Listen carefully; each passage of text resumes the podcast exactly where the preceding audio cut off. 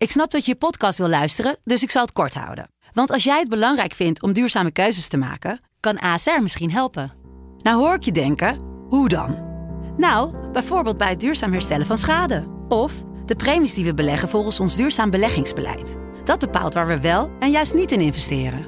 Wil je meer weten over welke duurzame keuzes ASR maakt? Ga dan naar asr.nl slash duurzame keuzes. ASR doet het. Zo, dan kan je nu lekker naar je podcast luisteren. Vechtersbazen wordt mede mogelijk gemaakt door Unibed. It's time for Vectorsbazen!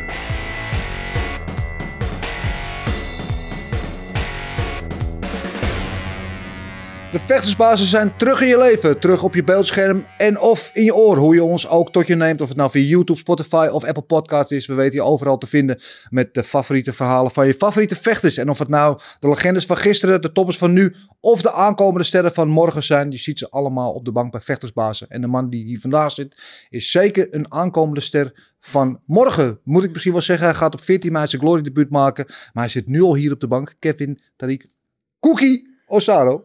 Goed yes, dat je yes. bent. Hoes. Dankjewel. Ja. Thanks voor de uitnodiging. Eh, ja, ik, vind, ik ga, wil van alles van je weten. Of je achtergrond, hoe je de sport bent gekomen. Over je aankomende debuut en nog veel meer. Maar we beginnen deze podcast altijd met ons onderdeel dekking laag. En dan denk ik meteen, dat klinkt een beetje gek als vechter. Eh, maar je krijgt van ons gewoon tien stellingen. En ik wil dat je daar lekker snel op reageert. En dan hebben we misschien nog wel aanleiding om daar straks over door te praten. Ik ga mijn best doen. Ben je er klaar voor? Zeker. Oké, dekking laag, komt-ie. Nigeria of Nederland? Nigeria. Jamal of Plasibat? Jamal. Glory of One? Glory. Brute sloper of zachtaardige reus? Zachtaardige reus. Friet of patat? Het is hetzelfde. Patat. Heel goed, hè? Rolmodel of rol in geld? Rolmodel. Bossen of technisch stikken? Bossen. Moeilijke jongen of cookie? Cookie. Meedoen of bepalen? Meedoen. Man met een missie of man die nooit mist? Man met de missie. Ja, eventjes eh, eh, eh, moeilijke jongen of cookie, moest je even over nadenken. Ja. Natuurlijk een beetje voor de hand liggen, want je noem je cookie. Ja. Om daarmee te beginnen, hoe, hoe kom je aan die bijnaam? Ehm, hoe oud was ik? Twaalf, denk ik. Ik draag een bril ook. En vroeger had ik een beugel. En je had toen op Nickelodeon een, eh, een programma dat heette Net zo Gids. Ja. En dan had je een, een eh, figurant, figurant, een van die acteurs die speelde als Cookie.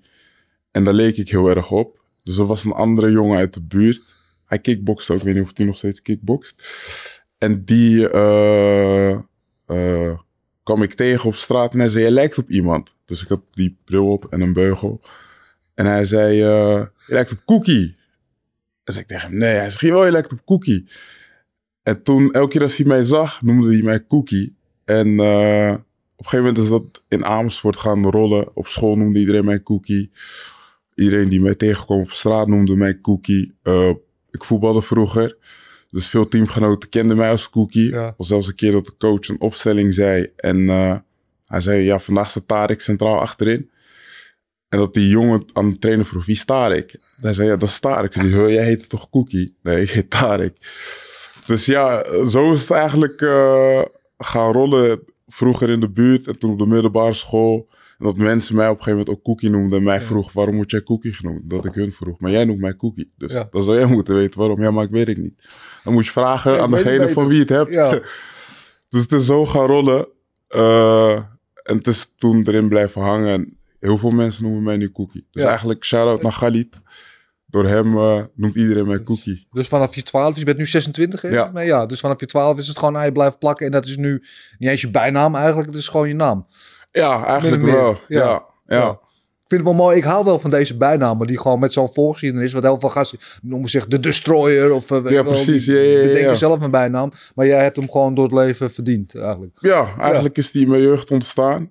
En eh, het grappige is, je hoort Cookie en dan denk je dat, dat het iemand kleins is. Of Ja, ja, ik weet ja. nog op bepaalde galas dat, dat mensen mijn naam riepen. Mensen dachten ook Cookie, hè, wie is dat? En dan zien ze mij en denken ze, dat klopt niet. Ah, Dus dat maakt het ook extra leuk. Ja, makkelijk. Ja, ja, precies. Dus had jij er bezig. Bijna twee meter en eh, 120 kilo schoon in de haak. Ja. zeker. Mooi, mooi. Even over de jeugd. Opgegroeid in Amersfoort. Ja, Eh, eh, niet de makkelijkste jeugd gehad, eh, wat ik Nee. begrepen heb. Eh, kan je er zelf iets over vertellen? Eh, ik heb tot aan mijn tiende altijd bij mijn moeder gewoond. In Amersfoort. Eh, altijd goed. Mijn moeder zorgde goed voor mij. Op een gegeven moment ging het eh, bij haar niet zo goed. Waardoor ik... ehm, ja, op een gegeven moment moesten we uit Amersfoort weg. Konden we niet meer wonen waar we woonden. En toen eh zwerfde een beetje rond door Nederland. Hmm. En ik denk... ik Maar zwerft toen- een beetje rond, want dat klinkt alsof Ja, we hadden geen vaste woonplekken. Dus we, dus echt- sliepen bij kennissen, eh, familie. Dus echt gewoon dakloos eigenlijk. Ja, eigenlijk wel op dat Ja. moment. En eh, ik was toen tien. We, nee, ik was negen toen het gebeurde en ik werd tien toen Ja. we er nog in zaten. En even kijken.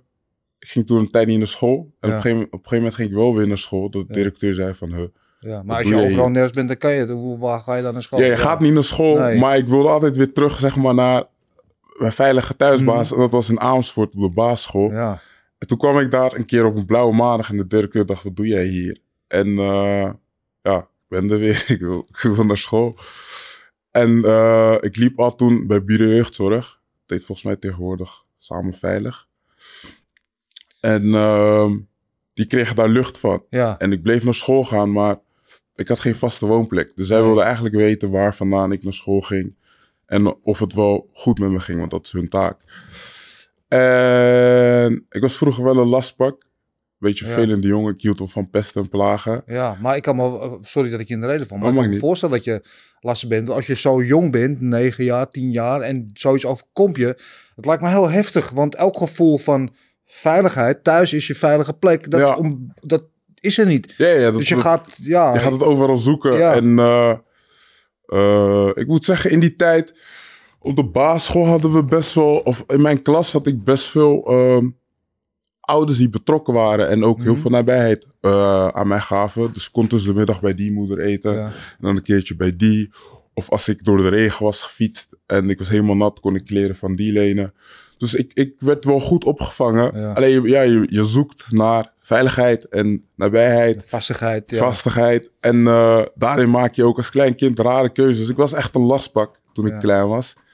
En toen werd ik op de een van de andere dag werd ik uit de klas gepikt door de directeur. En iedereen dacht, wow, Tarek wordt weer door de directeur opgehaald. Wat heeft hij nou weer geflikt? En toen kwam ik eh, in de kamer van de directeur. Toen zat mijn plaatser daar. Of pla ja, dat heette vroeger een plaatser. Mhm. Eh, en die zei, je gaat vandaag niet terug naar je moeder. Je gaat naar een crisisopvang. En ik dacht, Jezus. crisisopvang. Dus ik in paniek, ik had vroeger zo'n Nokia'tje. Mijn moeder bellen van, ah, Ja. ik mag niet meer terug. En mijn moeder heel boos en eh, chaos. Dus mijn fiets in de kofferbak naar een crisisopvang. En ik Ja, was wat dacht tien. je toen op dat moment dat ze dat tegen je zeiden? Ik had geen flauw idee waar ik naartoe Nee, ging. nee, maar ik kan me voorstellen dat, dat of van- iets van woede of paniek of angst. Paniek vooral. Ja. want De, eh, ik, ik was vroeger echt een moederskindje. Ja, En eh, ja, mijn moeder is nog steeds alles voor me. Maar vroeger al helemaal. Dus alles wat ik deed en eh, wilde doen, wilde ik altijd met mijn moeder doen. En Mhm. ik ging ervan uit dat ik terug naar mijn moeder ging. Maar ik ging uiteindelijk naar een crisisopvang. Dus er gingen bij mij heel veel belletjes rinkelen. En eh, ja, paniek, eh, boos, woede, al- alles ging door me heen. Maar voor, voornamelijk het stukje ga niet meer naar mijn moeder. Of voorlopig niet meer. En mijn moeder die probeerde nog met trucjes van... ja, mag hij niet tot het weekend bij mij... en dan gaat hij daarna... Dan, maar dat mocht allemaal niet. Dus dat was... eh, ja. Je zei het, gaat, ging niet zo goed met je moeder op, in die periode. Ja. Wil je vertellen wat, wat er niet goed ging? Eh, ja, ze was financieel niet stabiel genoeg om, eh, om ervoor te zorgen dat we een dak boven ons ho- hoofd Nee. hielden. En ja, dat, dat eigenlijk. Dus dat was een beetje.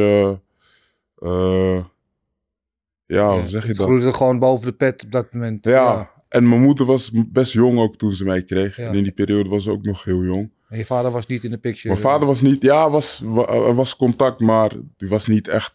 betrokken. Nee. Nee. Nee. Dat is heftig, man. Ja, Ja. En, en dan ga je dus naar, naar, naar via eh, jeugdzorg, dan ga je dus, eh, eh, word je uit huis geplaatst. Ja. Waar, waar kom je dan bij een gastgezin of een instelling? Nee, ik ging toen naar een crisisopvang. Er was best wel veel gedoe ook voor mijn moeder, vind ik. En eh, ik werd toen ook onder toezicht gesteld. Dat heet een OTS. Dus eh, ja, eigenlijk bepaalde de, toen de kinderbescherming en jeugdzorg bepaalde voor mij wat er met mij gebeurde. En ik ging toen naar zo'n crisisopvang. En dat zijn vaak plekken, daar kom je terecht als je of eventjes uit huis moet. Of je moet daar eventjes zitten voordat je naar een vervolgplek gaat. Dus ik kwam daar als tienjarige tussen de... De jongste was toen ik daar kwam 15. Ik was tien en iedereen was minimaal Ja. vijf of maximaal vijf jaar ouder dan ik. En eh, ja, ik dacht, wow, wat is dit? Ik mocht geen telefoon. Ja, was, in die tijd was het sowieso niet Nee. een telefoon iets belangrijks. Nee, maar goed, dan kom je dus wel in een soort van regime eigenlijk. Dus je Ja. hebt eigenlijk gewoon dus op, ja, bijna gevangenisachtig. Ja, gevangenis niet per se, maar het geeft je wel een gevangen gevoel. Ja, je voelt dat de straf is, bedoel ik. Ja, Ja. ja. ja, je, je, ik heb toen ook de eerste week, heb ik volgens mij van de zeven dagen, vijf nachten wakker gelegen. Dat ik gewoon, eh, ja, ik wilde er niet zijn. Ik voelde Nee. me niet op mijn gemak. Ik vond het allemaal raar. Er was een gastvrouw. Eh, ik moest zelf de was doen. Ik ben tien. Ik was toen tien. Ik, ik weet niet eens hoe de wasmachine werkte. Je moest je kamer op een gegeven moment zelf schoonmaken voor je zakgeld. Eh, allemaal dat soort dingen die ik moest gaan doen op mijn tiende. Spoedcursus volwassen worden, ja. Precies. En, en dat, dat, ja, dat voelde niet fijn. En daar heb ik wakker van gelegen. En je had met regels te maken. Ja. Als je bijvoorbeeld vijf minuten te laat kwam, moest je tien minuten eerder naar bed. Allemaal dat soort regeltjes. Je kreeg geen drinken mee, dus ik moest... eh, s ochtends wel, kreeg ik wel brood, mocht ik brood smeren. Mhm. Maar dan moest ik onderweg naar school eh, nog drinken halen van mijn zakgeld. Maar ja, dat is zo op, want je bent tien. Je weet toch niet hoe je met je geld moet omgaan. Dus je haalt AA, pakjes drinken, Tuurlijk, wat je lekker vindt, Ja, ja. precies. Dus dat, dat zakgeld was altijd op maandag of, of al op zaterdag op. En eh, ja, wat had je nog meer? Met z'n allen eh, op tijd aan tafel. Ja. Je had kamertijd, dus je moest na het eten volgens mij. Ja, na het eten een uurtje op je kamer. Huiswerkuurtje noemden ze dat vroeger. En dan, eh, ja, dat was het. En dan s'avonds, eh wel als tienjarige mocht ik wel om negen uur naar bed. En dan, eh, dat was het leven eigenlijk. Elke Ja. dag zeven uur op. Maar dan zit je, dus, je wilt daar niet zijn, dus je vindt die fijn. Maar je zit ook als tienjarig, dus allemaal oudere gasten. Allemaal gasten ook die in soortgelijke situaties zitten. In ieder Ja. geval gasten met een rugzakje, om het zo maar even te Ja, noemen. ja, zeker. Weet je, met bagage. Ehm, dus dan kan je, ik kan me voorstellen dat je dan onveilig voelt. Of dat je allemaal dingen leert van gasten die je op je tiende nog niet hoort te weten, zeg maar. Dat vooral. Je, Ja. je, je, je kreeg te maken met eh, ja, shit die je eigenlijk niet moest weten als je team bent. Nee, En eh, wat voor dingen? ja, mensen die jointjes rookten, Ja. eh, of jointjes roken op hun kamer, eh, vrouwen, tenminste mannen met vrouwen, oh, uitgaan, allemaal dat soort Ja. katkwa die je op je zestiende begint te leren, Ja. wist ik al op, op mijn tiende. Ik deed het niet, maar ze vertelden mij verhalen, waardoor je wel nieuwsgierig wordt als tienjarige. Dus ja, je, je, je groeit op met, met mensen die ouder zijn en krijgt sneller dingen mee die je echt niet hoort te weten. Ja. En ik heb daar toen acht maanden gewoond. En op een gegeven moment was ik verhuisd naar een internaat. Ja. En daar kwam ik wel met leeftijdsgenoten. Dus toen, dat was vanaf 10 tot en met 14. Ja. Dus dat was iets meer mijn eh, doelgroep. En eh, ook iets meer huiselijker. De crisisopvang was echt, eh, ja, je komt daar. Ja. Eh, je hebt vier, officieel heb je vier tot zes weken onderdak. En daarna moet je eigenlijk opdonderen. En dan Ja. maak je plaats voor de anderen. Maar omdat ik in die tijd ook niet naar een pleeggezin wilde, duurde het allemaal langer. Om uiteindelijk naar het internaat te gaan. Ja. Daar was het wat meer huiselijker en wat meer thuis.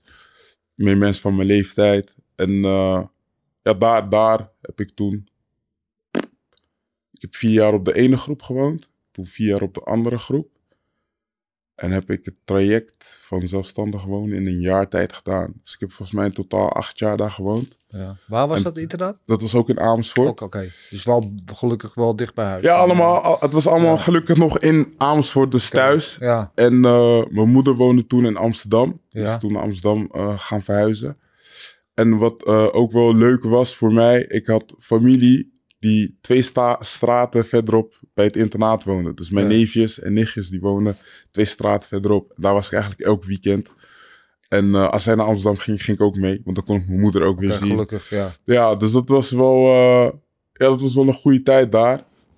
En eh, ik heb daar acht jaar gewoond. Ik ik heb zelfs een goede vriendschap eraan overgehouden met een begeleider. Ja. Begeleidster, moet ik zeggen.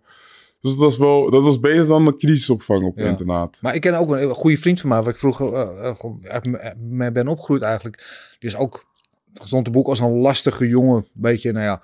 En Die werd ook naar een internaat gestuurd. En die Ja. ging erheen als een lastige jongen, maar die kwam eruit als een volledig crimineel. Ja, Omdat die met allemaal gasten zat, weet je wel, die Ja. al veel verder waren in hun, eh, nou ja, stout, in de boekjes Ja. zijn, zeg maar.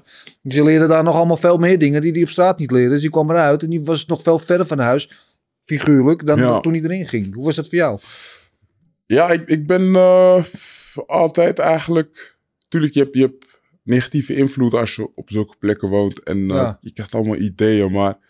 Ik had altijd mijn dingen. Dus ik, ik wilde sowieso nooit op de groep zijn. Nee. als persoon, ik wilde niks te maken hebben met de groep. Dus ik had gelukkig vrienden waar ik naartoe kon en familie. Dus ik was altijd of bij vrienden en familie, Ja. of op school, of aan het voetballen, want ik voetbalde in die tijd. Dus ik, was, ik zorgde altijd ervoor dat ik niks te maken had met de mensen waarmee ik woonde. Het waren echt mensen waarmee ik woonde. En dan, ja, als we op kamp gingen, dan had ik toevallig dat ik een week met hun dan op kamp ben. Dan probeer je het beste ervan te maken. En daarna was ik gewoon weer het beste ervan aan het maken, maar buiten het internaat om. Ja, en, ja. en zo denk ik dat ik in ieder geval niet Nee. eh, in de problemen met ze kwam of überhaupt met hun meeging in dat wat voor hun goed was, maar eigenlijk niet goed was. Zegt denk ik ook wel veel over jou qua karakter en, en, en dat je een sterke wil hebt. Want ehm, kijk, ik ben ervan overtuigd, iedereen is altijd verantwoordelijk voor zijn eigen keuze. En je hebt altijd een keuze, hoe moeilijk de situatie ook is. Maar de situatie waar jij in zit, kan ik me voorstellen dat de keuze om de verkeerde kant op te gaan een stuk makkelijker is dan als je gewoon eh, vanuit de perfecte wereld komt.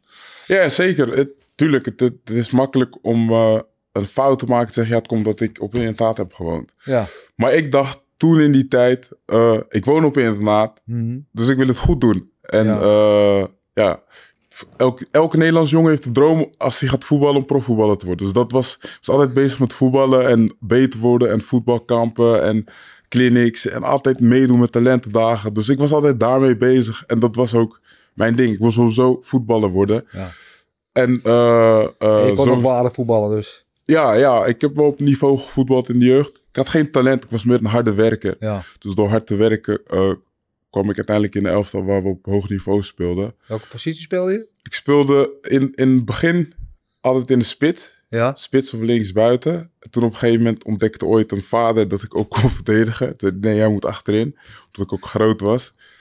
En toen werd ik centraal verdediger. En eigenlijk ben ik zo eh, ja, verder gaan ontwikkelen als centrale verdediger. De sloper achterin. Ja, ja groot, eh, sterk voor, voor mijn leeftijd toen en eh, ook best snel. Dus dat was een goede combinatie voor de Ja. meeste trainers en daar maakten ze ook gebruik van. En toen op een gegeven moment in mijn laatste jaar als eh, jeugdvoetballer, toen stond ik een keer op een training weer in de spits. En toen scoorde ik vanuit alle hoeken en dacht de trainer, oh, wacht even, hij kan ook Dit kan ook scoren. nog. Dus toen had ik ook een paar wedstrijden in de spits gespeeld. Oké. Dus ik was altijd dus eerst spits, toen verdediger. En toen aan het eind weer een beetje spits. En in de senioren stond ik op het middenveld. En daar ging het eigenlijk op een gegeven moment mis. Ja. Ja. Eh, Komen we zo bij, want dat is dan op het moment dat je op een gegeven moment de overstap maakt Ja, naar ja. kickboksen. Eh, met jouw geschiedenis, je bent jongerenwerker. Ja, Dus je werkt nu veel met jongeren die in soortgelijke situaties zitten waar jij ook in hebt gezeten. Of, ja het- wa- waar, mensen altijd eh, bij mij de mist ingaan, dat zij denken dat ik een moeilijke jongen was. Ja, Nee. ik, ik was lastig, ik was druk en ik hield Ja. van kloot, om het maar zo te zeggen. ja, nou, ik denk niet dat je last hebt. Ik denk dat je Nee. gewoon reageert op de situatie waar je in zit. Ja. Dat, dat je helemaal geen moeilijke jongen bent. Maar Ja, precies. Ja. Dus dat, dat, ik zat niet op een internaat door mijn gedrag, zeg Nee. maar. En eh, de meeste jongeren eh, waarmee ik werk, die eh, doen ook niet dat wat zij willen doen door hunzelf, maar eigenlijk door de omgeving waarin ze zitten. En er zijn er een paar die ik begeleid, die wel eh, zelf constant de, de verkeerde keuzes maken. En eh, dat vind ik eigenlijk, dat vind ik eigenlijk de, leuk, de leukste eh, jongeren. Die telkens Ja. eigenlijk net buiten de boot vallen. En net over de grens gaan. net een te grote mond hebben. Of net denken dat ze de wereld aan kunnen. Maar eigenlijk heel klein zijn. Dat zijn de jongeren die, die ik graag begeleid. En eh, ja, ze lijken niet op mij. Maar ik, ik deel wel zeg maar dat stukje van niemand eh, snapt mij. die, dat deel ik heel erg met hun. En daar zit ook vaak die connectie. Ja. Is dat ook, eh, zie je dat dan ook als een soort van jouw roeping? Omdat jij zelf in dat soort situaties hebt gezeten. Dat je, en misschien niet die begeleiding hebt gehad die jij nu kan bieden aan anderen. Dat je daarom nou, andere jongens wil helpen. Is te behoeden voor bepaalde valkuilen. En, en, en door een situatie heen wil helpen die jij van jezelf goed kent. Ja, niet per se. Ik zeg vroeger altijd, ik word geen groepsleiding. Ja. Dat- Ja, echt. Ik heb dat to- toen op het internaat gezegd. Ik, toen- als- soms als ik boos was, zei ik, ik snap niet hoe jullie groepsleiding kunnen zijn. Waarom zou je dit leuk vinden? En eh, ja, ik ben uiteindelijk zelf een jongerencoach en ook begeleider jeugdzorg. Dus ik sta ook af en toe op woongroepen. En ehm, ja, ik, ik ben inderdaad nu die persoon die het heeft meegemaakt. En ik probeer ze dingen mee te geven eh, die ik zelf heb meegemaakt Ja. waar het mis kan gaan. En ik probeer ze daarop te behoeden en ik geef ze daarin tips. En ik had vroeger, ik ook altijd, ik had vroeger een jongerencoach Nee. die het ook heeft meegemaakt, die mij kon zeggen van, hey, ga nou rechtdoor, ga niet links of rechts. En nu heb jij die wel, maak daar gewoon misbruik Ja. van. Eh, hoe, hoe kut het misschien soms ook is dat ik op je huid zit. Maak gewoon misbruik van de situatie. Ja, precies. Dat wou ik vragen. Dat gebruik jij ook bij jouw cliënten. Cliënten vind ik altijd heel klinisch. Ja. Ja een beetje kilkind. Maar met mensen met wie je werkt, met jongeren. Ja. Gebruik jij dan ook jouw eigen situatie door hun te vertellen van... joh, ik ben daar ook geweest. Dat zij aan jou kunnen levelen op een of andere manier. Ja, ja, bepaalde situaties die, die, die lijken op wat ik heb meegemaakt. Of eh, die ik zelf heb gecreëerd door ook zelf koppig te zijn. Eh, die gebruik ik zeker als, als, als voorbeeld eh, om hun eh, te laten zien van ja, ik heb dat ook gedaan. En het is ook niet slim. Nee. Maar je kan er ook sterker uitkomen door dit te doen bijvoorbeeld. Dus ik gebruik ook heel veel ja, eigen ervaring. Ik ben praktisch eigenlijk ervaringsdeskundige. En daarmee motiveren en ondersteun ik die jongens Ja. en meisjes. Waar haal je voldoening uit in het werk wat je doet? Uit hun geluk. Uit hun succes. Dus als, als zij eh, iets bereiken eh, waarbij ik een steentje heb mogen bijdragen. Of eigenlijk zij hebben het zelf helemaal goed gedaan. Dan ben ik ook gelukkig. Ik had, ik had een jongen die was... eh, ah, pff, dat was echt, echt een lastpak. echt een lastpak. Je zo wel een filmpje laten zien. Ja. En ik ken hem nu bijna drie jaar. En ik kwam voor de eerste keer toe bij hem thuis en hij zag er niet uit. En hij had er ook geen zin in eigenlijk. En eh, dat hele begintraject vond hij echt gewoon stom. En elke keer, ja, wat doe je hier?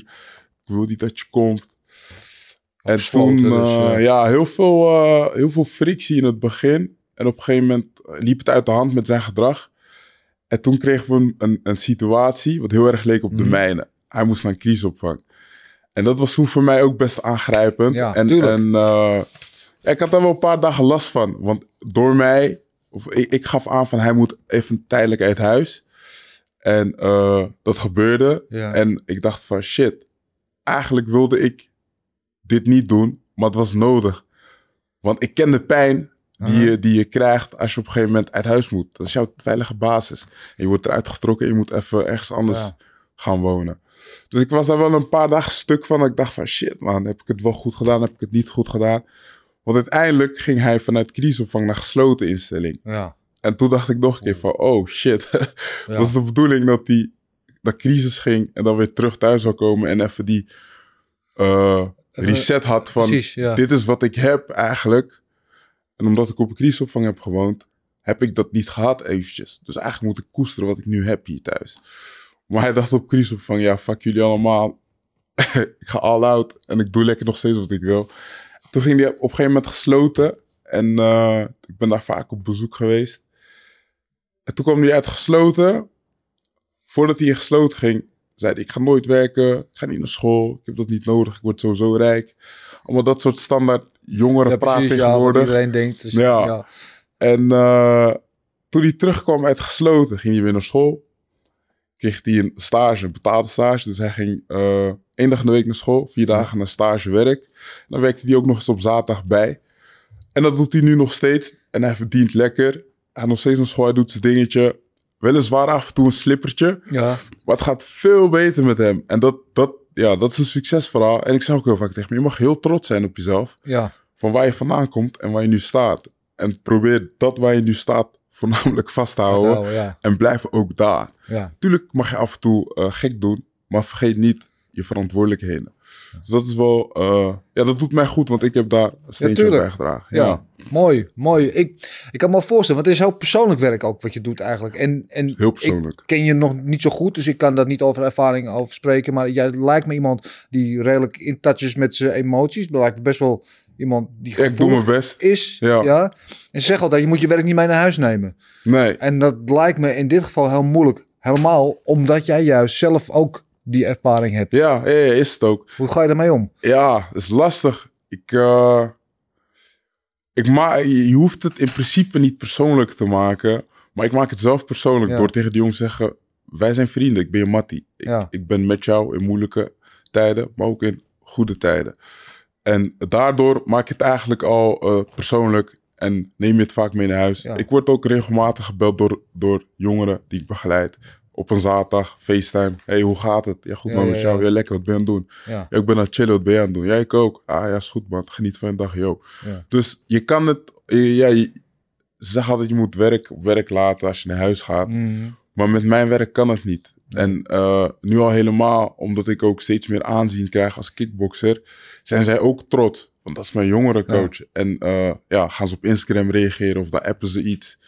Ik had ooit een jongere, eh, die, ik heb begeleid hem nog steeds. En die, zei, die stuurde mij op Instagram toen dat ze bij WFL voor een toernooi zwaargewichten zochten. Zei die, ja, is, is dit niet iets voor jou? Dat is leuk. Hij eigenlijk ondersteunt en begeleid ik hem. En nu wil hij weer wat voor mij terug doen. Ja. Dus voor mijn werk is altijd persoonlijk. En dat zal het ook blijven. Ja. Dat vind ik op zich niet erg. Nee, maar het maakt, ook, dat maakt het ook lastig lijkt me. Want als het niet goed gaat met een van jouw jongeren, dan trek je je dat ook misschien heel erg aan. Ja, tot op een zekere hoogte. Ja. Als, als dat van invloed eh, heeft op dingen die hij hoort te doen waarbij ik hem ondersteun, dan zeker. Ja, Maar eh, gaat het om een, een, een- liefdesverdriet, ja, zal mijn worst wezen. ja. Doe jij bent verliefd, die ik. Gelukkig. Ja. Nee, maar gelukkig, ja, maar dat lijkt me, kan me Ja. voorstellen dat, dat, dat je dan af en toe met jezelf misschien een beetje in conflict komt. Dat je dat, ja. Nee, dat, niet, nee, echt alleen met aangrijpende dingen zoals dat voorbeeld dat ik net gaf. Of als het echt gaat om school of eh, werk. Of iets waarbij ik hem moet ondersteunen in het dagelijks leven. En dat loopt niet lekker, dan kan ik er wel mee malen. Maar ja, gaat het om een vriendinnetje of eh, heeft hij ruzie met een vriend? Ja. Ja, oké. oké. Gelukkig. Heb, je, heb jij ook, merk je dan, want je zei, je krijgt steeds meer aanzien als, als vechter, dat dat ook op hun afstraalt? Dat je ook ziet, merkt dan dat zij een beetje, nou ja, misschien tegen je opkijken niet, maar snel iets van je aannemen? Want ja, Nou, nee, niet per se. Want op zich keken ze altijd al wel eh, naar me op. Omdat ik sowieso wel een professioneel kickboxer was. Mhm. En, en dat is al voor hun, eh, wow. ja, Dus, eh, en, en ik probeer altijd in alles wat ik doe, of het nou werk is, of in de gym, of op straat, ik ben altijd nederig. Dus ik, ik maak geen gebruik van het feit dat ik professioneel kickboxer ben. En dat zij daarna niet in de praktijk. Je slaat ze Nee. niet in elkaar ook, nee. Nee, ik, ik, ik, eh, ik, ik heb liever dat ze mij gewoon als, als, als hun jongere coach Ja. zien. Als een mens die net als hun ook gewoon fouten maakt. En dat we gewoon op één level zitten. En niet dat ik hier sta en zij daar en zij zo naar mij kijkt. Van ja, hij is kickbox, dus ik moet luisteren. Ze mogen ook af en toe een grote bek hebben. Dat is normaal. Ja, Dus ik, ik, ik, eh, ja, ik weet ergens dat ze, dat ze er trots op zijn. En dat ze naar me opkijken, maar dat hoeft niet. Ik ben net als hun een mens. En eh, ik wil hun ook net zo goed zien als dat eh, zij mij zo goed willen zien. ja. Ik, ik vroeg in het begin hè, bij eh, Dekking Laag van eh Brute Sloper of Zachtaardige Reus. Dus zij Ja. is Zachtaardige Reus. En Ja. je hebt volgens mij ook best wel een klein hartje.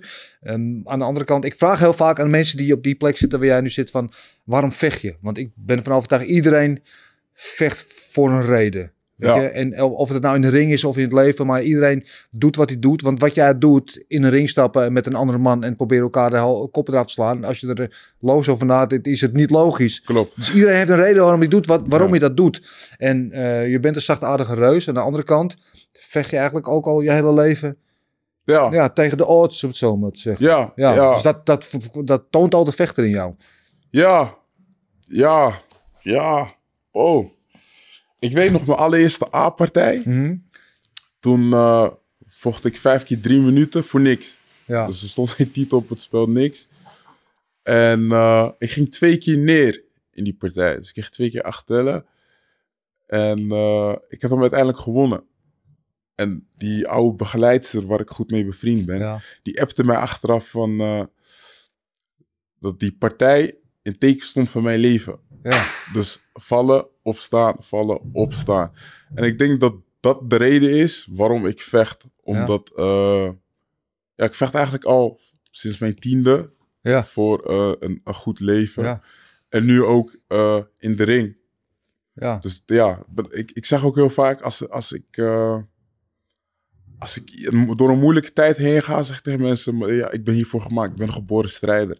Ja. Dus dit, dit, dit is voor mij bedoeld. Dit is voor mij bestemd. Nou ja, ik zou zelfs kunnen zeggen dat alles, alle tegenslagen die jij hebt moeten overwinnen in je leven, Ja. dat vechten in de ring eigenlijk een, koekie is. Ja, eigenlijk wel. Eigenlijk wel, maar het is, ah ja, vechten in de ring is anders. Ja. het leven kun je enigszins nog sturen in de ring. Als zwaargewicht kun je één klap krijgen, is het voorbij. Ja, tuurlijk. Ja, Ja. maar het is net, net zoals wat jij zegt in die wedstrijd. Je krijgt twee keer acht tellen tegen.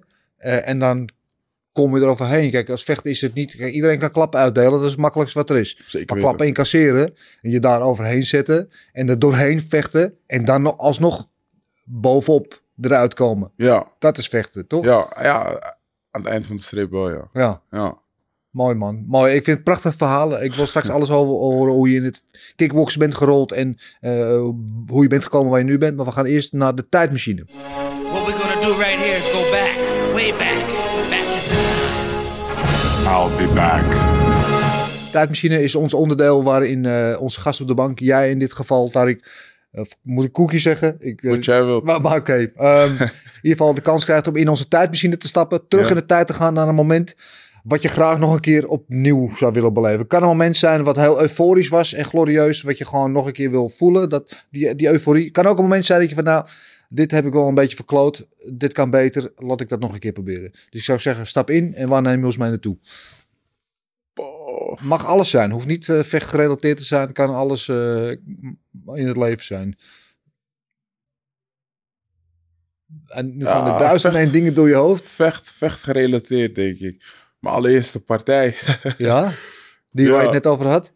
Nee, nee, dat was mijn eerste Oké, A-partij. ja, oh, Mijn gewoon echt eerste, alles. Oké. mijn nieuw, eerste nieuwlingpartij. Ja. Dat, eh, ja, dat was, dat was, eh, ik heb die partij sowieso kort aangenomen. Ja, Nooit gekickboxd, maar daar komen we zo meteen bij. ja.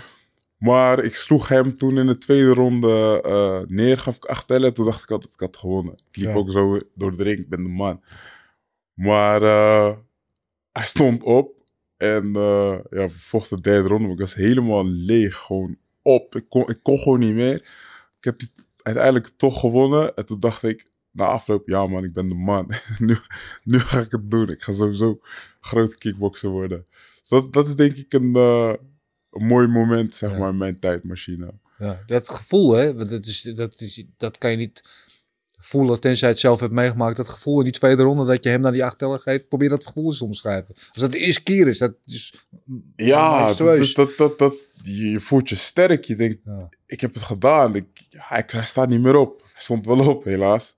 Maar ja, dat gevoel wat door je lichaam heen gaat, je voelt je gewoon super sterk op dat moment. Je denkt van nu, nu kan ik de hele wereld aan. Ja. Ja. het, is, het is moeilijk te beschrijven, zo'n gevoel. Maar het, het, het geeft je bepaalde kracht dat je, je voelt je gewoon sterk.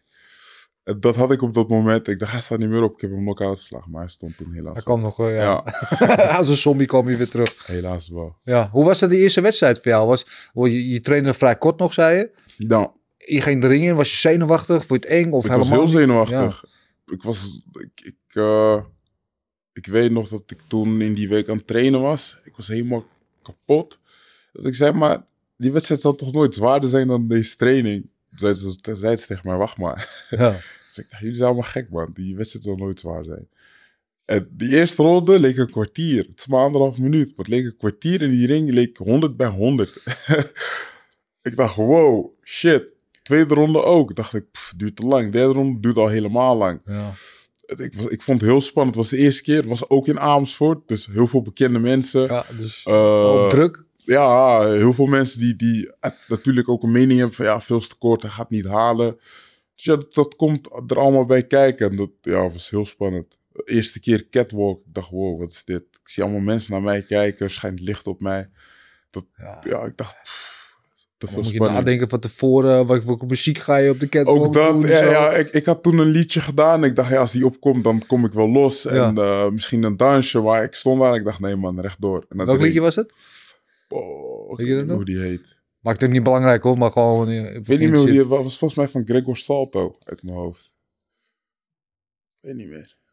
Als ik hem hoor, dan... Nou ja, maakt niet uit. Het doet er ook niet toe. Het was gewoon een briefing altijd... ja. Waarom vechten ze bepaalde liedjes kiezen? Of ja, ik dacht als ik dat liedje hoor, dan... eh, dat liedje was to- toen in die tijd voor mij een liedje dat elke keer als ik hem hoor, dacht ik, ja, lekker nummer. Nou ja. En ik dacht, als ik, die weer, als ik daarmee opkom, dan kom ik wel in die vibe. Maar ik, ja, het liedje kwam en ik zag de ring en ik dacht, ik wil zo snel mogelijk in de ring. die spanning is te veel.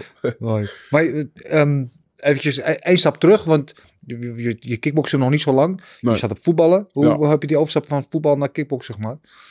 Ik eh, voetbalde toen eh, ik 18 was in senioren. Ja. En dat was bij een club in Biddinghuizen.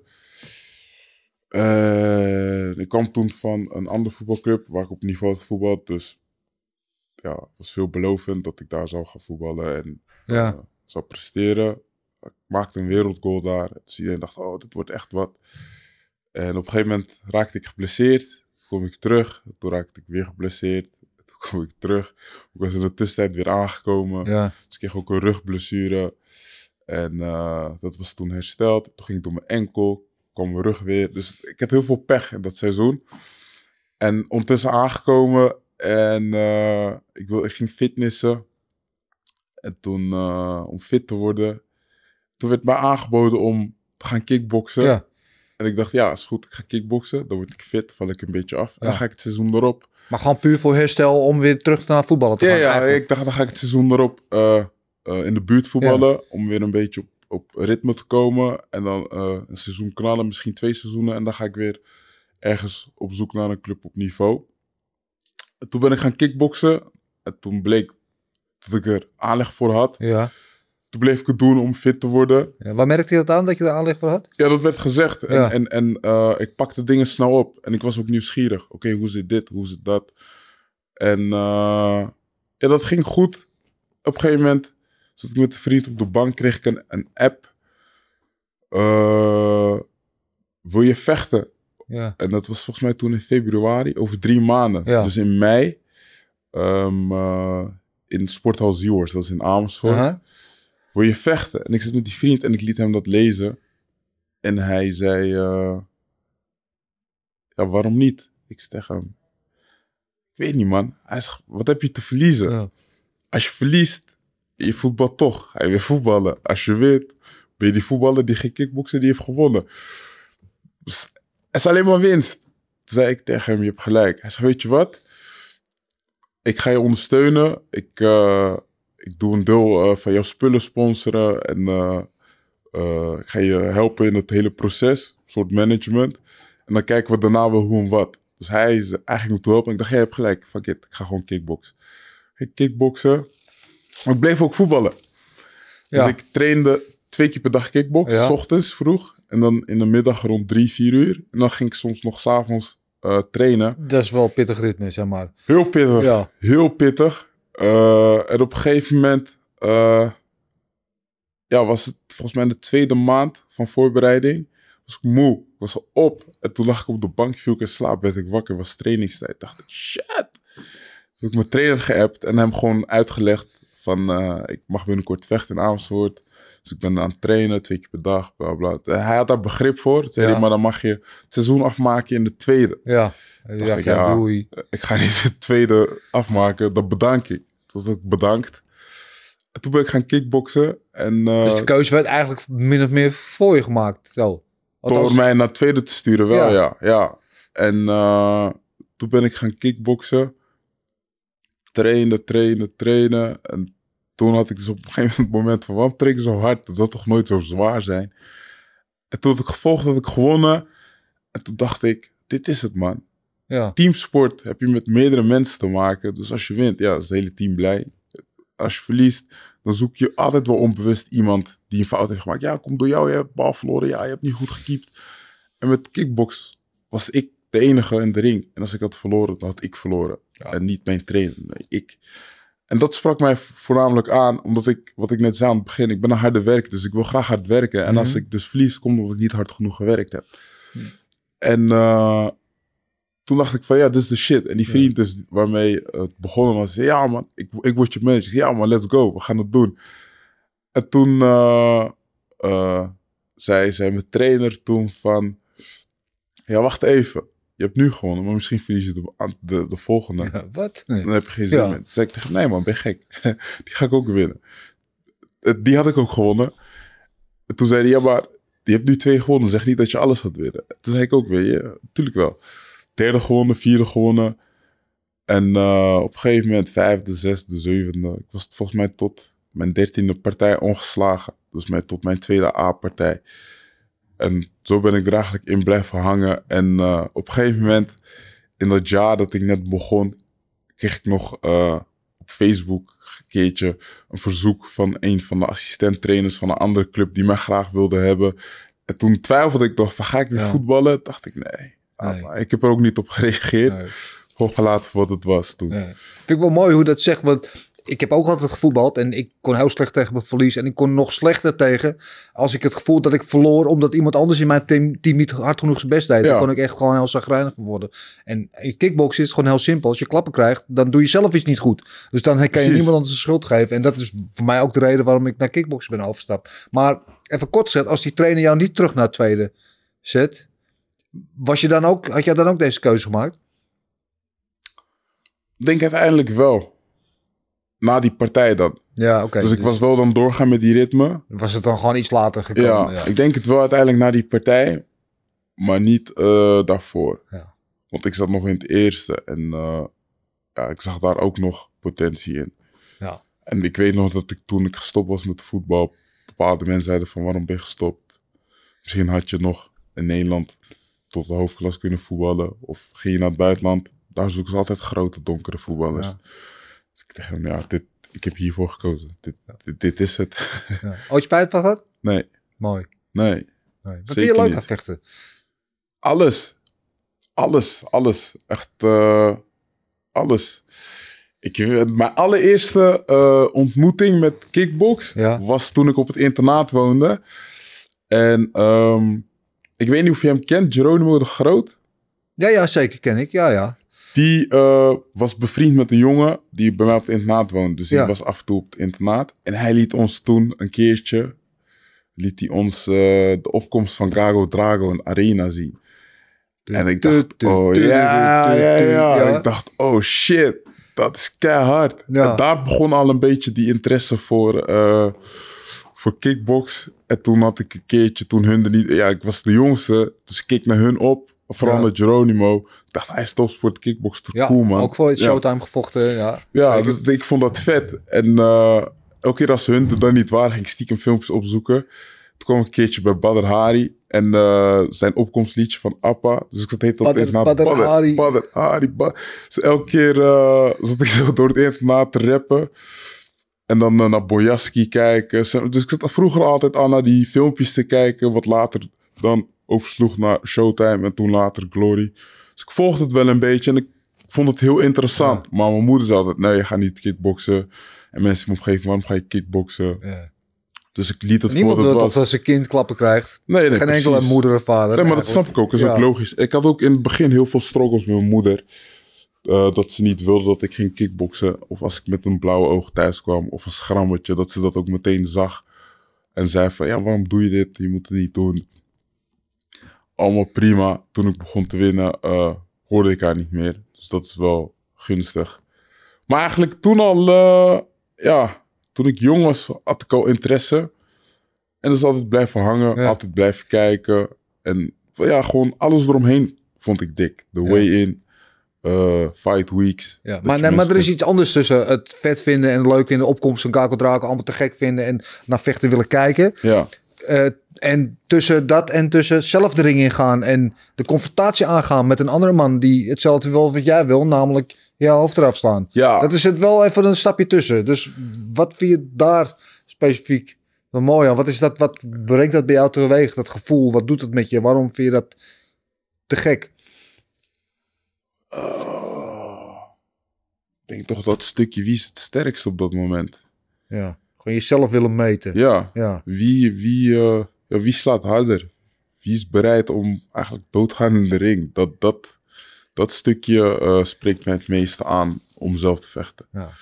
En dat, de aanloop naar het moment, dus is alles eromheen wat het nog extra leuker maakt om het te doen.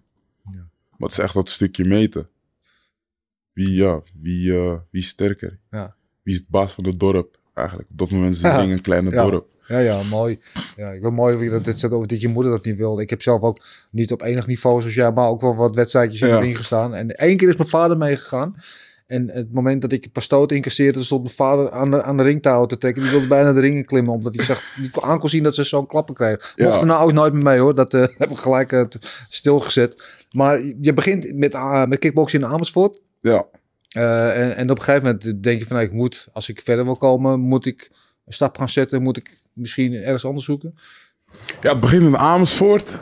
En eh, daarna in Amsterdam-Oost getraind. Ja, Toen uitstapje naar Utrecht. ja naar SB Gym. Ja. Ja. En nu weer eh, in Amsterdam. Bij Mike's Gym. Ja. Eh, Eerst even, je gaat van Amersfoort naar Amsterdam. Ja. En dan ga je naar SB Gym. SB Gym natuurlijk een gerenommeerde gym, waar ook veel toppers rondlopen. Zeker weten. Eh, wie liepen er op dat, dat, dat moment allemaal rond? Ik ging toevallig eh, in die periode dat Badder naar hem overstapte. Ja, eh, stapte ging ik ook naar SB Gym. ja, En toen had je daar Hamisha, Ilias en Hashi, Ilias Hamouchi. ja. Wie had je nog meer in die periode? Boulaid. Boelait natuurlijk, ja. Ja, eh Manhoef trainde daar. Eh, Ja, nou, te veel om op te noemen. ja, dus het is, ook een grote stal. maar- Ja. En dan heb je het net over dat je, toen je begon te interesseren voor kickboksen, zit je naar filmpjes van Badr Hari te kijken. Ja, En dan sta je opeens in de gym naast hem. ja, zelfs met hem gespart ook. Ja, dat moet wel een raar moment geweest zijn. Ja en nee. Ik, eh, wat ik net ook zei, ik, ik, ik wil niet dat mensen mij als die professionele kickbox zien, maar gewoon als een mens. Ja, Maar zo benader ik ook andere mensen. Je Ja. bent gewoon een mens. Je poept en plast net als ik. Je hebt ook emoties. Jij bloedt ook. Dus eh, hoe geweldig jij ook bent in dat wat je doet, gruwelijk. Maar je bent nog steeds voor mij ook een mens. Dus ik kan jou ook gewoon vragen hoe het met je gaat. En verwachten dat je zegt goed, slecht, dit zo en zo. Dus zo benader ik echt iedereen. En zo benader ik hem ook.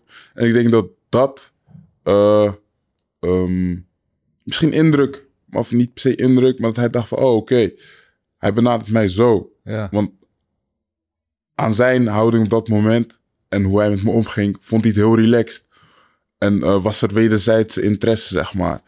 En eh, ja, in, dat- in, dat moment was ik heel nuchter en eh, ja, ik train met hem, dat is leuk. Ja. En ik krijg natuurlijk klappen, dat is minder leuk, maar het is wel van hem. Ja, En achteraf eh, vertelde ik dus aan, aan vrienden en ik stuurde foto's door. En iedereen zei, wow, te gek. En toen zei ik wel op een gegeven moment van, ja man, Ja. kijk vroeger naar deze gast op YouTube.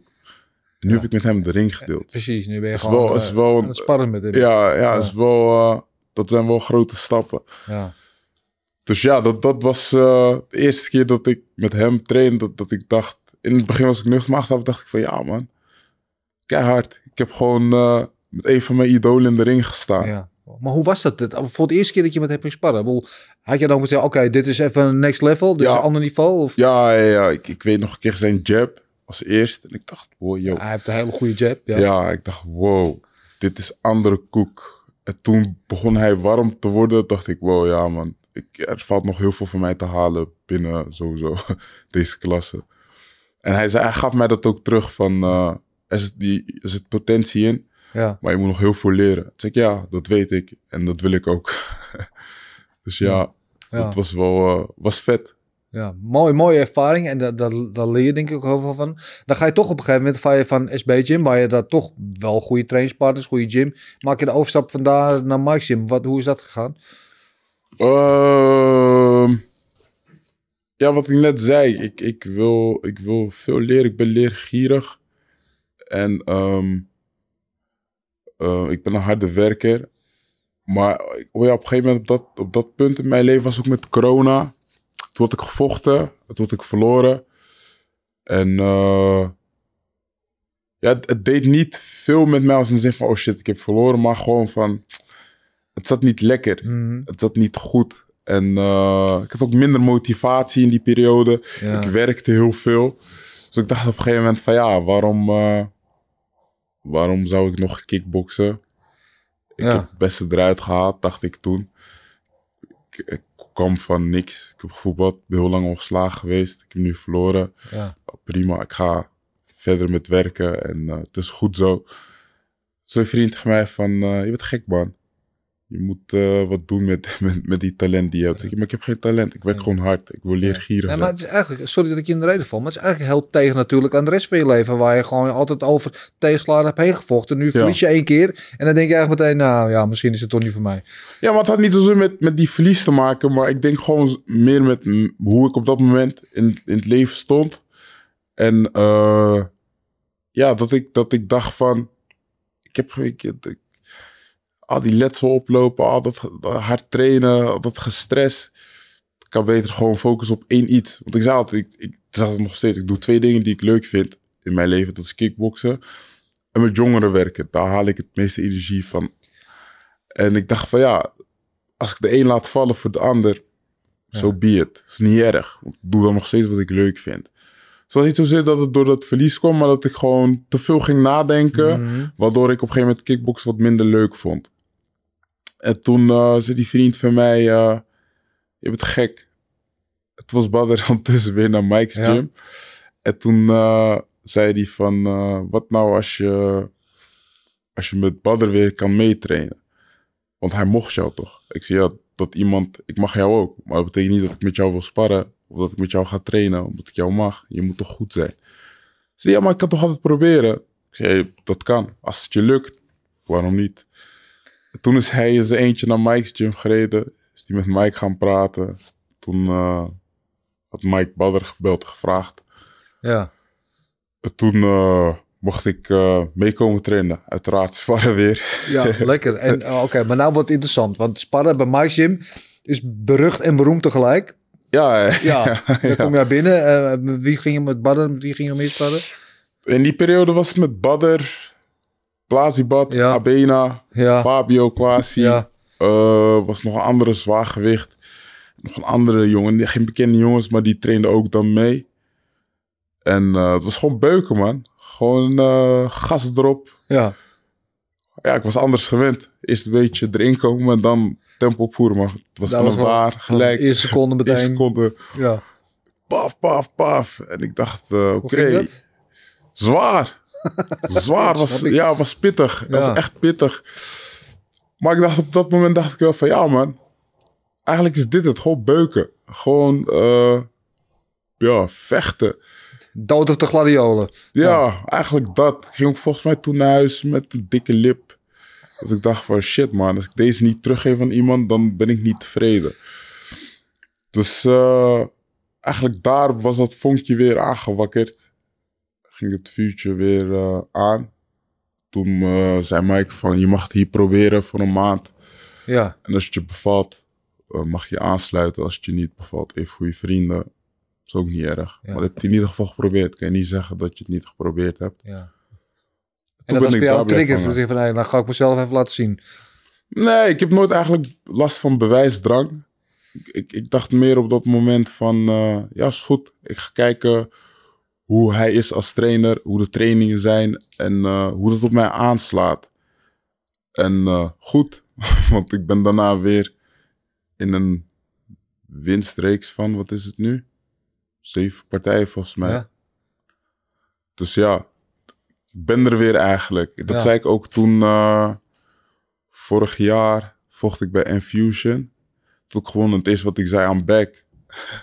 dus ik was er weer, zeg maar. Ja. Ja. Maar ik weet in die periode, want Mike is een, een vriend van mij zelfs. Hij staat Ja, is, Famer eh, ook, toch? Famer hier. Ja, ja, ja. Ehm, en en in, in, in die periode, ik weet niet helemaal of het aan, na die maand was, of in ieder geval maar redelijk aan het begin die jaar was, belt Mike Bob. Hij zegt, ik heb er nou eentje. Let op, komt er nou eentje aan. Cookie heet hij. Cookie? ja.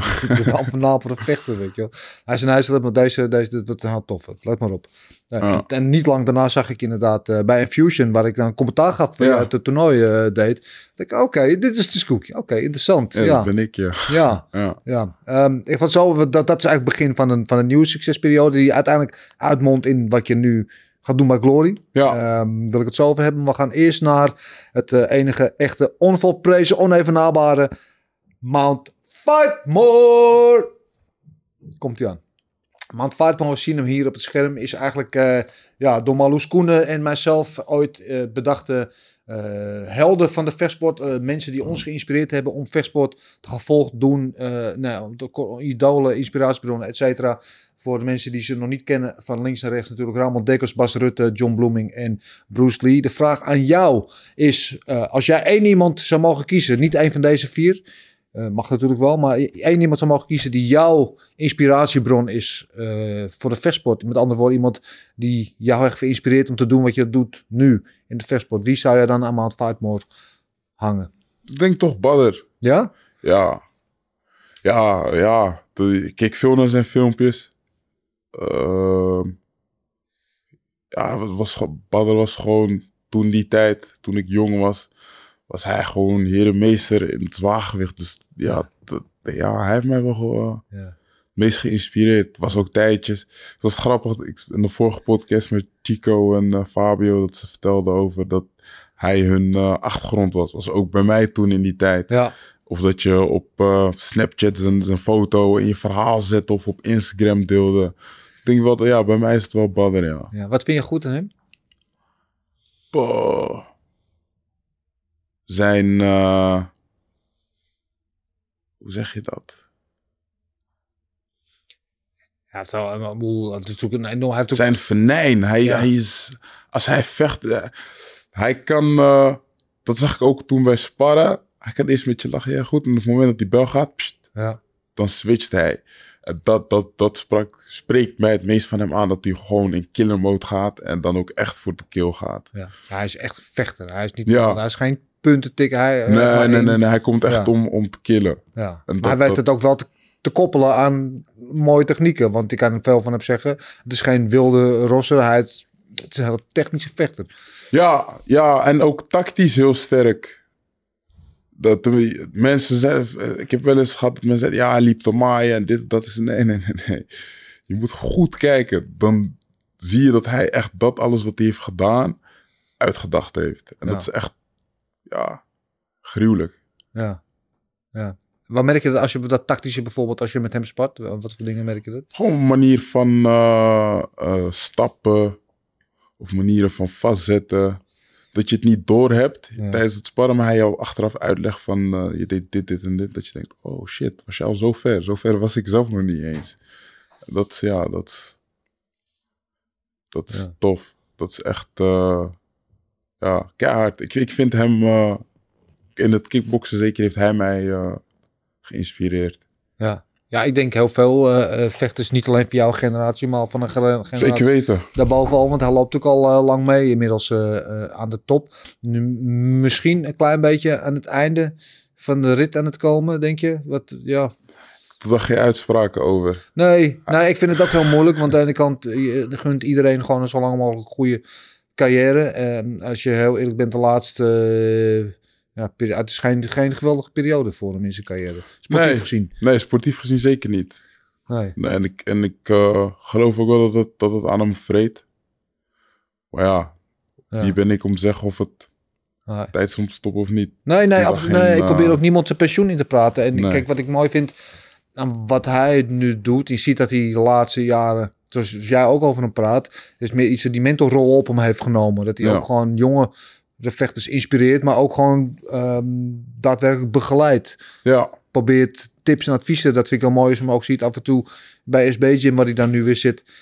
Na trainingen echt de tijd neemt om met vechters te praten Ja. over waarom doe je dit en waarom, weet je wel, en dat kan je ook zo doen. En hij, hij, hij draagt die rol echt. En, eh, maar ja, uiteindelijk gaat het wel om winnen in de ring natuurlijk. Feitelijk wel, ja. Ja, Daar doe je het voor. ja. Ehm, dan gaat hij weer weg. Dan komt Jamal ervoor terug. Ze net bedekking laag in het begin. Plasibat of Jamal. Moest je wel even nadenken. Natuurlijk wel Ja. een beetje eh, catch-22. Maar eh toen koos je voor Jamal. Ja. Ja, waarom Jamal? Was het Jamal Plasibat als Plasibat, ja. tegenstander? Of Nee, gewoon oh, überhaupt. gewoon überhaupt? Ja, om mee te sparren of die je beter vindt. Of...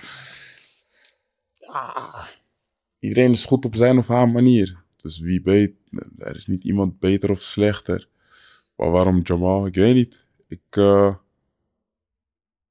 ik kan het goed met hem vinden. Hij is ook groot, maar Ja. ook heel, eh, heel relaxed. Ja, heel, net eh, iets groter dan jij, hè? ja, Ja. ja. Ja, heel zachtaardig. Ja, heel... gewoon, ik kan het goed met hem vinden. Daarom koos ik eigenlijk Jamal. En hij geeft ook me- aan mij tips. En of voor mijn partij wens hij succes. Of dan zegt hij, eh laatst vorige keer bij die toernooi, zei hij ook van... eh, het zou niet veel zwaarder zijn dan het sparren. Het sparren is ook, is ook beuken. Allemaal dat soort dingen. Dus ik denk dat ik daarom eh, voor Jamal koos. Niet Ja. per se wie de beter is. Of, Ja, ook iemand, we hebben hem ook hier bij Vechtersplaatsen gehad. Ik was ook enorm onder de indruk van hoe hij in het leven staat en, en tegen dingen aankijkt. Ook iemand die heel veel heeft moeten, al- ook al zijn hele leven aan het vechten is. ja, En ja. niet op, een, op dezelfde manier als jij, maar met zijn gezondheid ook alle dingen heeft moeten overwinnen en tegenslagen heeft moeten overkomen. En, en, en ja, geen geplaveide weg heeft gehad naar waar hij nu is aan de top. Zeker. Ja, is dat ook iets waar je inspiratie uit kan halen? Dat Zeker weten. Ik, ik, ik, hou- ik hou juist van eh, dat soort mensen met dat soort verhalen. Ja. Die, die ergens vandaan komen. En die het nooit makkelijk hebben gehad. En iedereen eh, maar makkelijk praat over hun. Van ja, hij heeft geluk of hij heeft dit. Of, nee, je kent hem niet. Dus wie ben jij om die uitspraak te maken? Dus ik... ik, ik eh, hij is voor mij ook een inspiratie dat ik denk van shit man, die man heeft gewoon gezondheidsproblemen gehad en ik wilde bijna stoppen omdat ik geen zin meer had. Ja, Waar praten we Ja. over? Dus hij is voor mij absoluut een eh, inspiratiebron. Net als dat Plasiba dat ook is. Iedereen voegt ja, wat bij. iedereen heeft een verhaal. Ja, iedereen eh, heeft wat te vertellen. En eh, voor mij is het sowieso ehm, ja, geweldig. Ik train met de nummer 1 en 2 van Glory. Dus dat is al, ja. Zijn, ik, er zijn zat mensen die denken van, oh, dat wil ik ook. Voor mij is dat echt gewoon top. En ik haal van beide inspiraties en ik krijg van beide tips. Dus voor mij is het heel waardevol. Mooi. Je zei net al vorig jaar dat toernooi bij Infusion wat je won. Dat was ja, Ja. I'm back. Ja. Ehm, en sindsdien ga je, ga je best wel snel in één keer. Misschien Ja. een klein beetje buiten de spotlights van het grote publiek. ja, ja Eh, dat je een beetje aan, aan het oog ontrokken. Maar eh nou, dat toernooi bij Infusion gewonnen. Je hebt inmiddels ook bij KOK Super Combat, eh, grote organisatie, gevochten. Er was vorig jaar, nou, niet zo lang geleden, dat toernooi van One, de Road, to One. Ja. Won je ook dat toernooi. Ja. Eh, en nu ga je dan opeens je debuut maken bij Glory, Denk, ja. hey, wat, wat gebeurt hier allemaal? Dat gaat wel snel, man. ja, snel, vind je? Ja. Oh ja. Ik was in juli vorig jaar begonnen. Ja. Had ik België gevochten, in Fusion. Ja. King of Kings. Ik ben nog Nederlands kampioen geworden toen, tegen Boegwandas. Eh Super Combat. Ja. Of dat heette toen Os Fighters, maar het was dezelfde organisatie. En dan Road to One. Op zich, ja, kort achter elkaar. Was ook weer een stukje ervaring om te doen. Dus Ja. snel, denk ik niet. Ik heb het verdiend, hard gewerkt. Dat, dat geen En, twijfel over. eh, Dat probeer ik ook helemaal niet te betwijfelen. Nee, nee, nee, zeker niet. Maar ja, ik weet niet of het snel is. Ik, ik, eh, ik had ook door de corona zoiets van, ik, ik wil vechten. Dus Ja. alles wat kwam, Alles nam ik, ja, nam ik aan. En eh, ja, ik denk dat, dat, dat ik ook vooral Mike dankbaar moet zijn, want die heeft mij fit gehouden. Want je kan ook geblesseerd uit een pot komen Ja. en zes weken eruit liggen en dan weer helemaal opnieuw moeten beginnen. Maar ik kwam uit de pot, een paar dagen even niet trainen en dan kon je weer Dan gaan, kun je weer gaan bouwen. ja, kon je weer Ja. verder bouwen op waar je gebleven was. Dus het is eh, ook een stukje fitgesteldheid dat ik zoveel heb kunnen draaien. Wat uiteindelijk heeft geleid naar deze debuut bij Glory. Ja, gelukkig. Maar eventjes de, de stap van, wat ik zei aan het begin One of Glory. Toen zei Glory vrij resoluut. Ehm, je wint dat One Road to One toernooi. Ja, Eh, Leidt het volgens mij toe dat je dan daar in de buurt komt voor een contract, toch? Ja, dat klopt. is toch de hele inzet dat van was, dat was het idee van, eh, Ja. van die toernooi, klopt. Ja, dus dan zit je daar eigenlijk eh, op, op rozen. Ja, En dan ga je toch, ga je toch naar Glory. ja ik wist het al een tijdje, zeg maar, van Glory. Oké. Maar ik vond het heel moeilijk om het niet te delen met mensen. Je wist het al voor dat One toernooi, of niet? Nee, nee, nee, nee. Nee. Kort na de One toernooi wist ik het al. Ik vond het heel moeilijk om met mensen te delen. eh, dat, dat, dus dat ik... Eigenlijk is het een luxe positie. Want je kan of bij de ene groot of bij de andere. Alleen Ja. bij de een eh, ja, kon ik dus tekenen. En bij de andere moest ik nog een toernooi knokken. Ja. En eh, de een is aan de andere kant van de wereld. En de andere Ja, is hier. Lekker dichtbij. Ja. Ja, en ehm, ja, dat is de keuze wel sneller gemaakt. En eh, ja, je hebt ook collega's die daar Ja. natuurlijk ook vechten. Ja, maar die collega's die daar al vechten, kunnen de juiste reden voor zijn. Dat je zegt, zij zitten er al, ik ga een deurtje verderop kijken. Absoluut. Maar het kan ook zijn dat eh, ik heel lang nog eh, moet vechten om daar te komen waar zij zijn. Dat zij tegen die tijd of weg zijn of denken van Ja. het is goed zo. Dus het kan nog alle kanten op. Maar ik dacht voornamelijk, ja, het is hier in de buurt, grote organisatie. En eh, ja, One is ook heel mooi, heel groot. Hij is aan de andere kant van de wereld. Ja. En als jij, eh, ik weet nog dat ik mensen vertelde over dat toernooi. En dan moest ik hun helemaal gaan uitleggen wat One is, eh, waar het zit.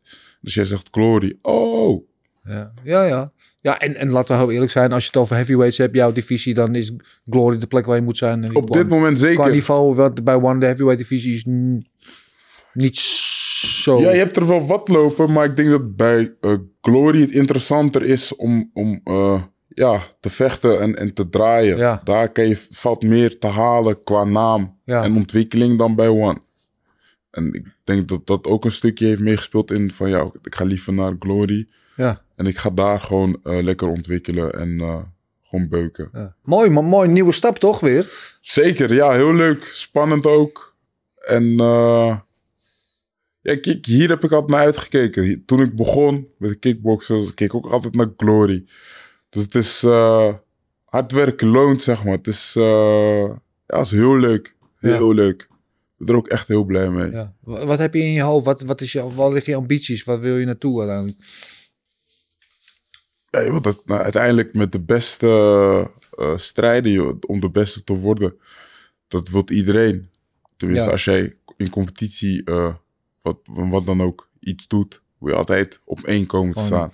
Dus dat is sowieso mijn doel. Ik wil eh, ja, uiteindelijk op één staan. Ja, Maar ik wil wel ook lekker ontwikkelen en mijn ding doen, zeg maar. Ja. het hoeft niet in een sneltrein. Ik nee, dus je hoeft niet meteen tegen de top 5. Je kan er gewoon even rustig... ja, Ja, Ja. Ik, ik vecht ook volgens mij tegen een debutant. Ja. Of volgens mij, het is ook zo, hij is een debutant. ja. Dus ja, dat- ik, ik eh, wil er lekker in komen. En als mijn tijd is, is het mijn tijd. En dan wil ik ook zeker eh, mijn tijd benutten.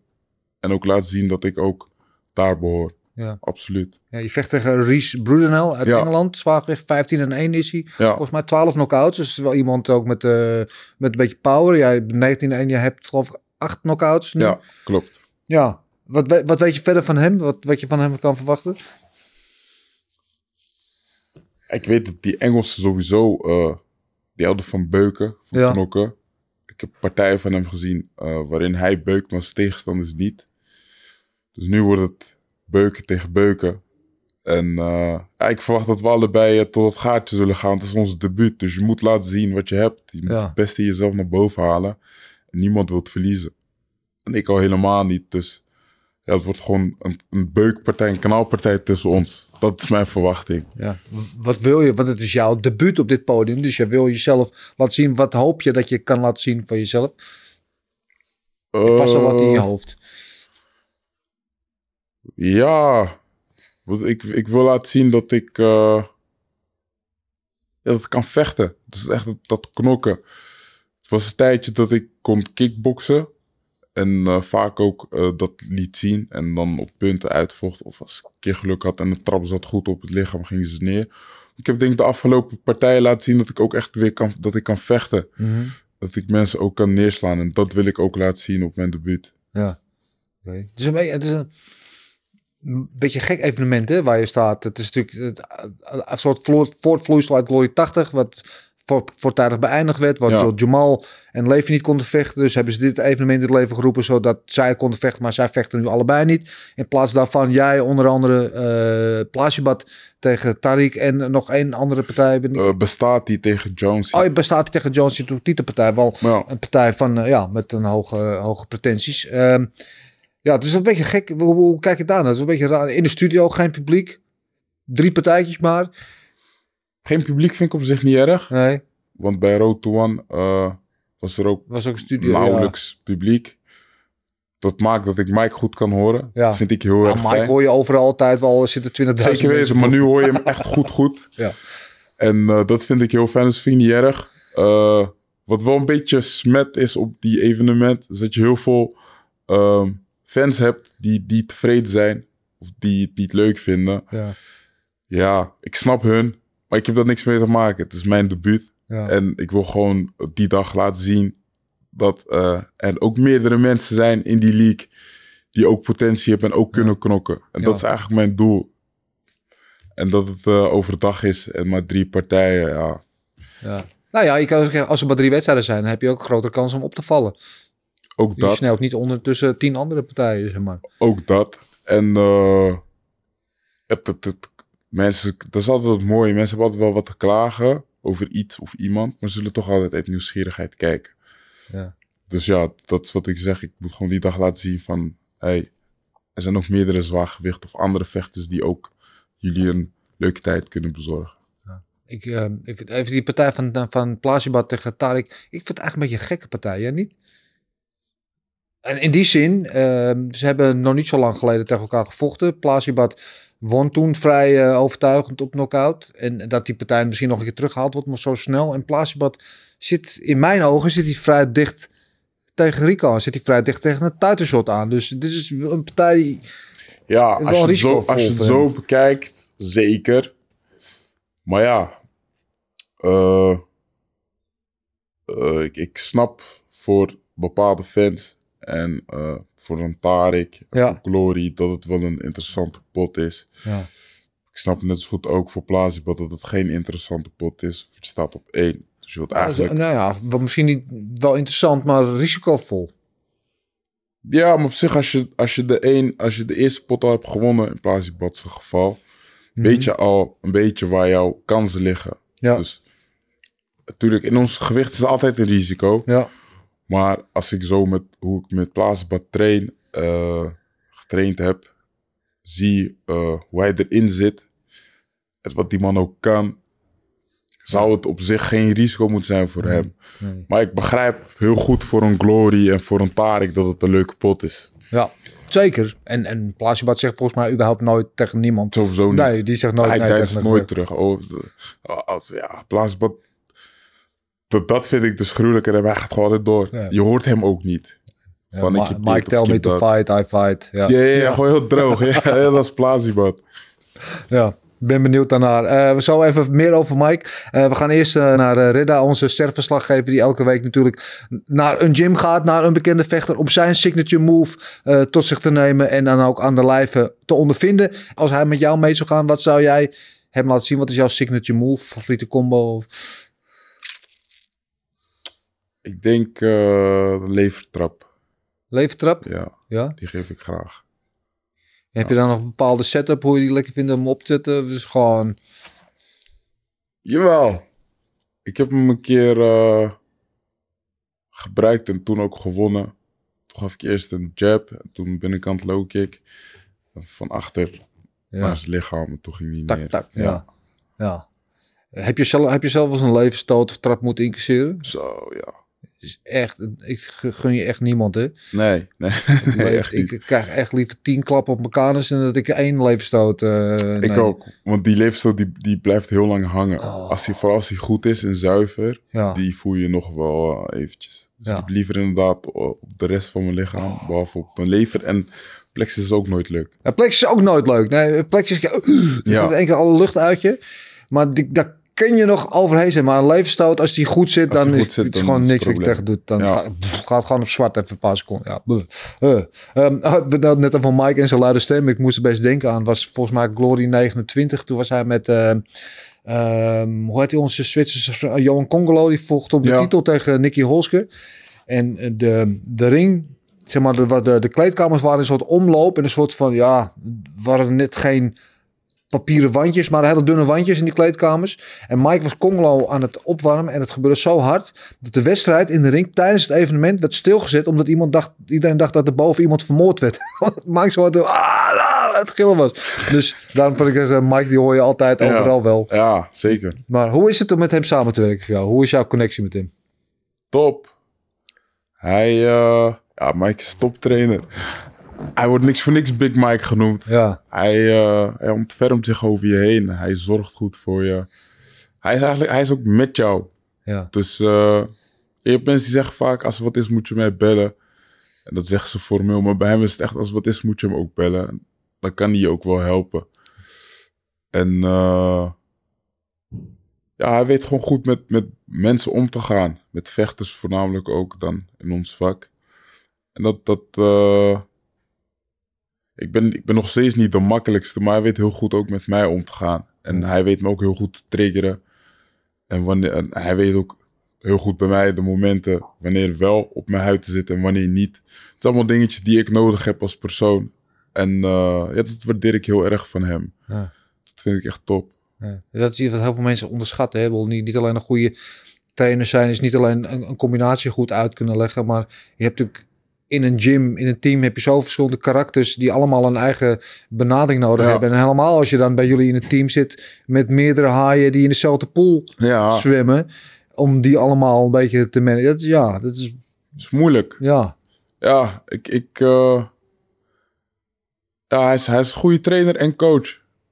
En vaak heb je... Of een van de twee. ja, En hij is een mooie combinatie van beide, vind ik.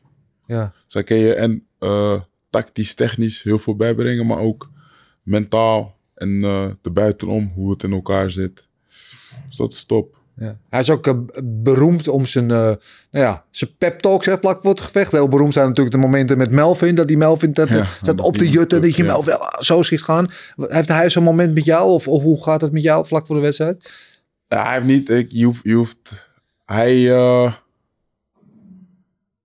hij, hij, hoe- je moet, ja, hoe zeg je dat? Niet uit mijn woorden. Hij zegt niet heel veel, Nee. maar hij krijgt het vuurtje wel aan, zeg maar. Dat, dat, ja, hij, hij zegt gewoon een paar dingen en ik sta gelijk op scherp en ik Ja. denk van ja, nu gaat het gebeuren. Zijn er ook specifieke, specifieke dingen die hij tegen tegen jou Nee, zegt? niet zozeer. Gewoon, hij doet het op zijn mics. Ja. En eh, of hij relativeert het heel erg, waardoor je denkt van ja, kun je nu gaan beuken? Of hij zegt iets waardoor je denkt van hey shit, ja man, nu moet ik niet beuken. Het zijn geen specifieke, specifieke dingen, maar het is in het moment zelf dat hij iets zegt en eh, hij daardoor mij scherp krijgt of wakker. Ja, mooi. Ik, eh, ja, ik heb, heb hem heel vaak gezien, zowel in de gym als in de kleedkamer. Ik vind dat, dat hele proces altijd mooi om te zien. En elke trainer doet dat anders, maar, maar hij heeft zo'n, ja, zijn maniertjes die gewoon zo Ja. Kenmerkend zijn. En, maar- en, en wel de meeste vechters heel effectief. Alhoewel, ik denk dat het niet voor iedereen ook weer hetzelfde werkt, toch? Ja, maar hij heeft daar gevoel voor. Ja, Want ja, hij kan ook net zo goed bij mij gaan schreeuwen als hoe hij bij Melvin deed. ja. Ja, dit zou bij mij ook niet werken, werken. denk ik. Dus hij, hij voelt dat zelf ook aan van oké, dit is wat ik moet doen en dit is wat ik niet moet doen. Ja. Eh, net als dat hij ook dit grapjes maakt, vind ik ook leuk. Beetje ouwe hoeren. Dus hij voelt dat wel aan. Hij zou niet, eh, denk ik, bij mij in ieder geval nog niet gebeurd, iets doen eh, wat mij eh, niet ligt. Eh, wa- Wat heeft Mike verder, los van dat hij nou ja, jou als, als mens kan triggeren en, en goed kan lezen, zo, zo vertaal ik dat dan een beetje, verder aan jou als, als vechter toegevoegd? Ja, dat stukje vechten, Ja. Daar heeft hij ja, iets, een heel andere draai aan gegeven. Hij heeft natuurlijk nog meer eruit gehaald. Technisch, tactisch. Zijn er nog lang niet. Maar het is al eh, een groot verschil in. Ja, wat nog meer? Ja, gewoon hij, hij, weet, hij weet mij goed te triggeren. Ja. Hij weet die, die, die puntjes te vinden van oké, nu moet je even gas geven of nu moet ik even op een andere manier gaan trainen. En dat had ik nodig. Gewoon iemand die eh, mij op, op, op zo'n manier eh, ja, weet te porren van oké, Ja. Ik moet nu echt aan de bak. ja. Heeft je eigenlijk gewoon weer een nieuw leven ingeblazen. Daar kan- komt het op neer. Ja, nieuw kickboxleven, ja. Ja, Ja, ja. ja kickboxleven natuurlijk. Ja. Je hebt daarnaast nog een heel leven. Maar ja, mooi. Mooi, mooie dingen. Ehm, ik wil eventjes naar eh, onze Next Round boxzak. Je weet, we hebben sinds een aantal weken de Next Rounds Vechtersbazen Challenge. Waarin elke gast hier op de bank eh, eh, nou ja, zijn kunsten mag laten zien op de slimme boxzak. Die je precies meet hoe vaak je stoot. Niet alleen, maar ook hoe hard je stoot. En uiteindelijk komt er dan altijd een mooi totaal uit. Eh, van ja, wie dat het beste heeft gedaan. En we hebben ook een ranglijst van hoe die tot nu toe eruit ziet. Laten we daar eens even naar gaan kijken. Eh, Fabio Quasi, eh, jou wel bekend, staat nog steeds vier bovenaan. En nou ja, er zijn er zes tot nu toe geweest. En jij hebt ook jouw kunstje gedaan op de Next Round boxzak. Hoe was het allereerst? Wennen. Ja? Ja, andere handschoenen. Ik- Ja, was wennen. Kijken hoe ik eh, ga slaan. Hoe die zak een beetje is. Zoals wennen.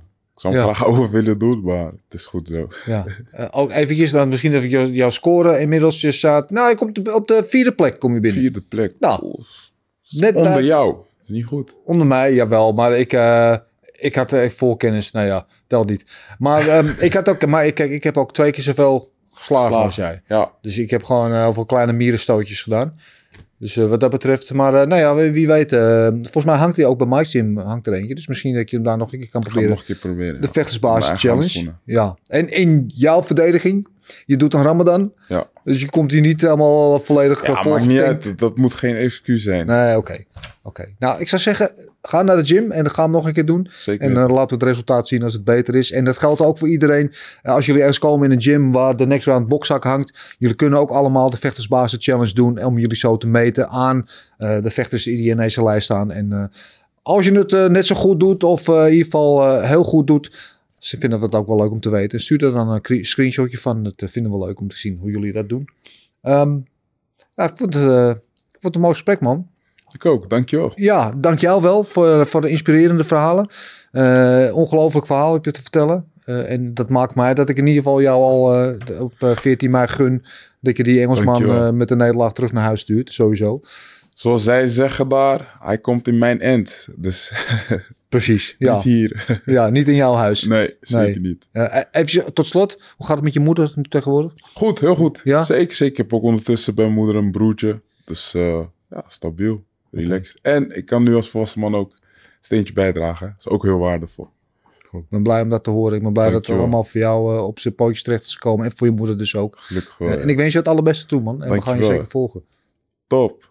Oké. Voor jullie ook allemaal weer bedankt voor het kijken of luisteren. Hoe je ons ook tot je neemt. Of het nou via Spotify, Apple Podcasts of YouTube is. Je weet het hè. We zijn er elke week met, eh, met jouw favoriete verhalen. Van jouw favoriete vechters. Vergeet niet te liken, te delen. En vooral eventjes te abonneren. Dat is voor ons heel belangrijk. En dan zien we je tot de volgende. Dan heb ik nog maar één ding te zeggen. En dat is... Oes!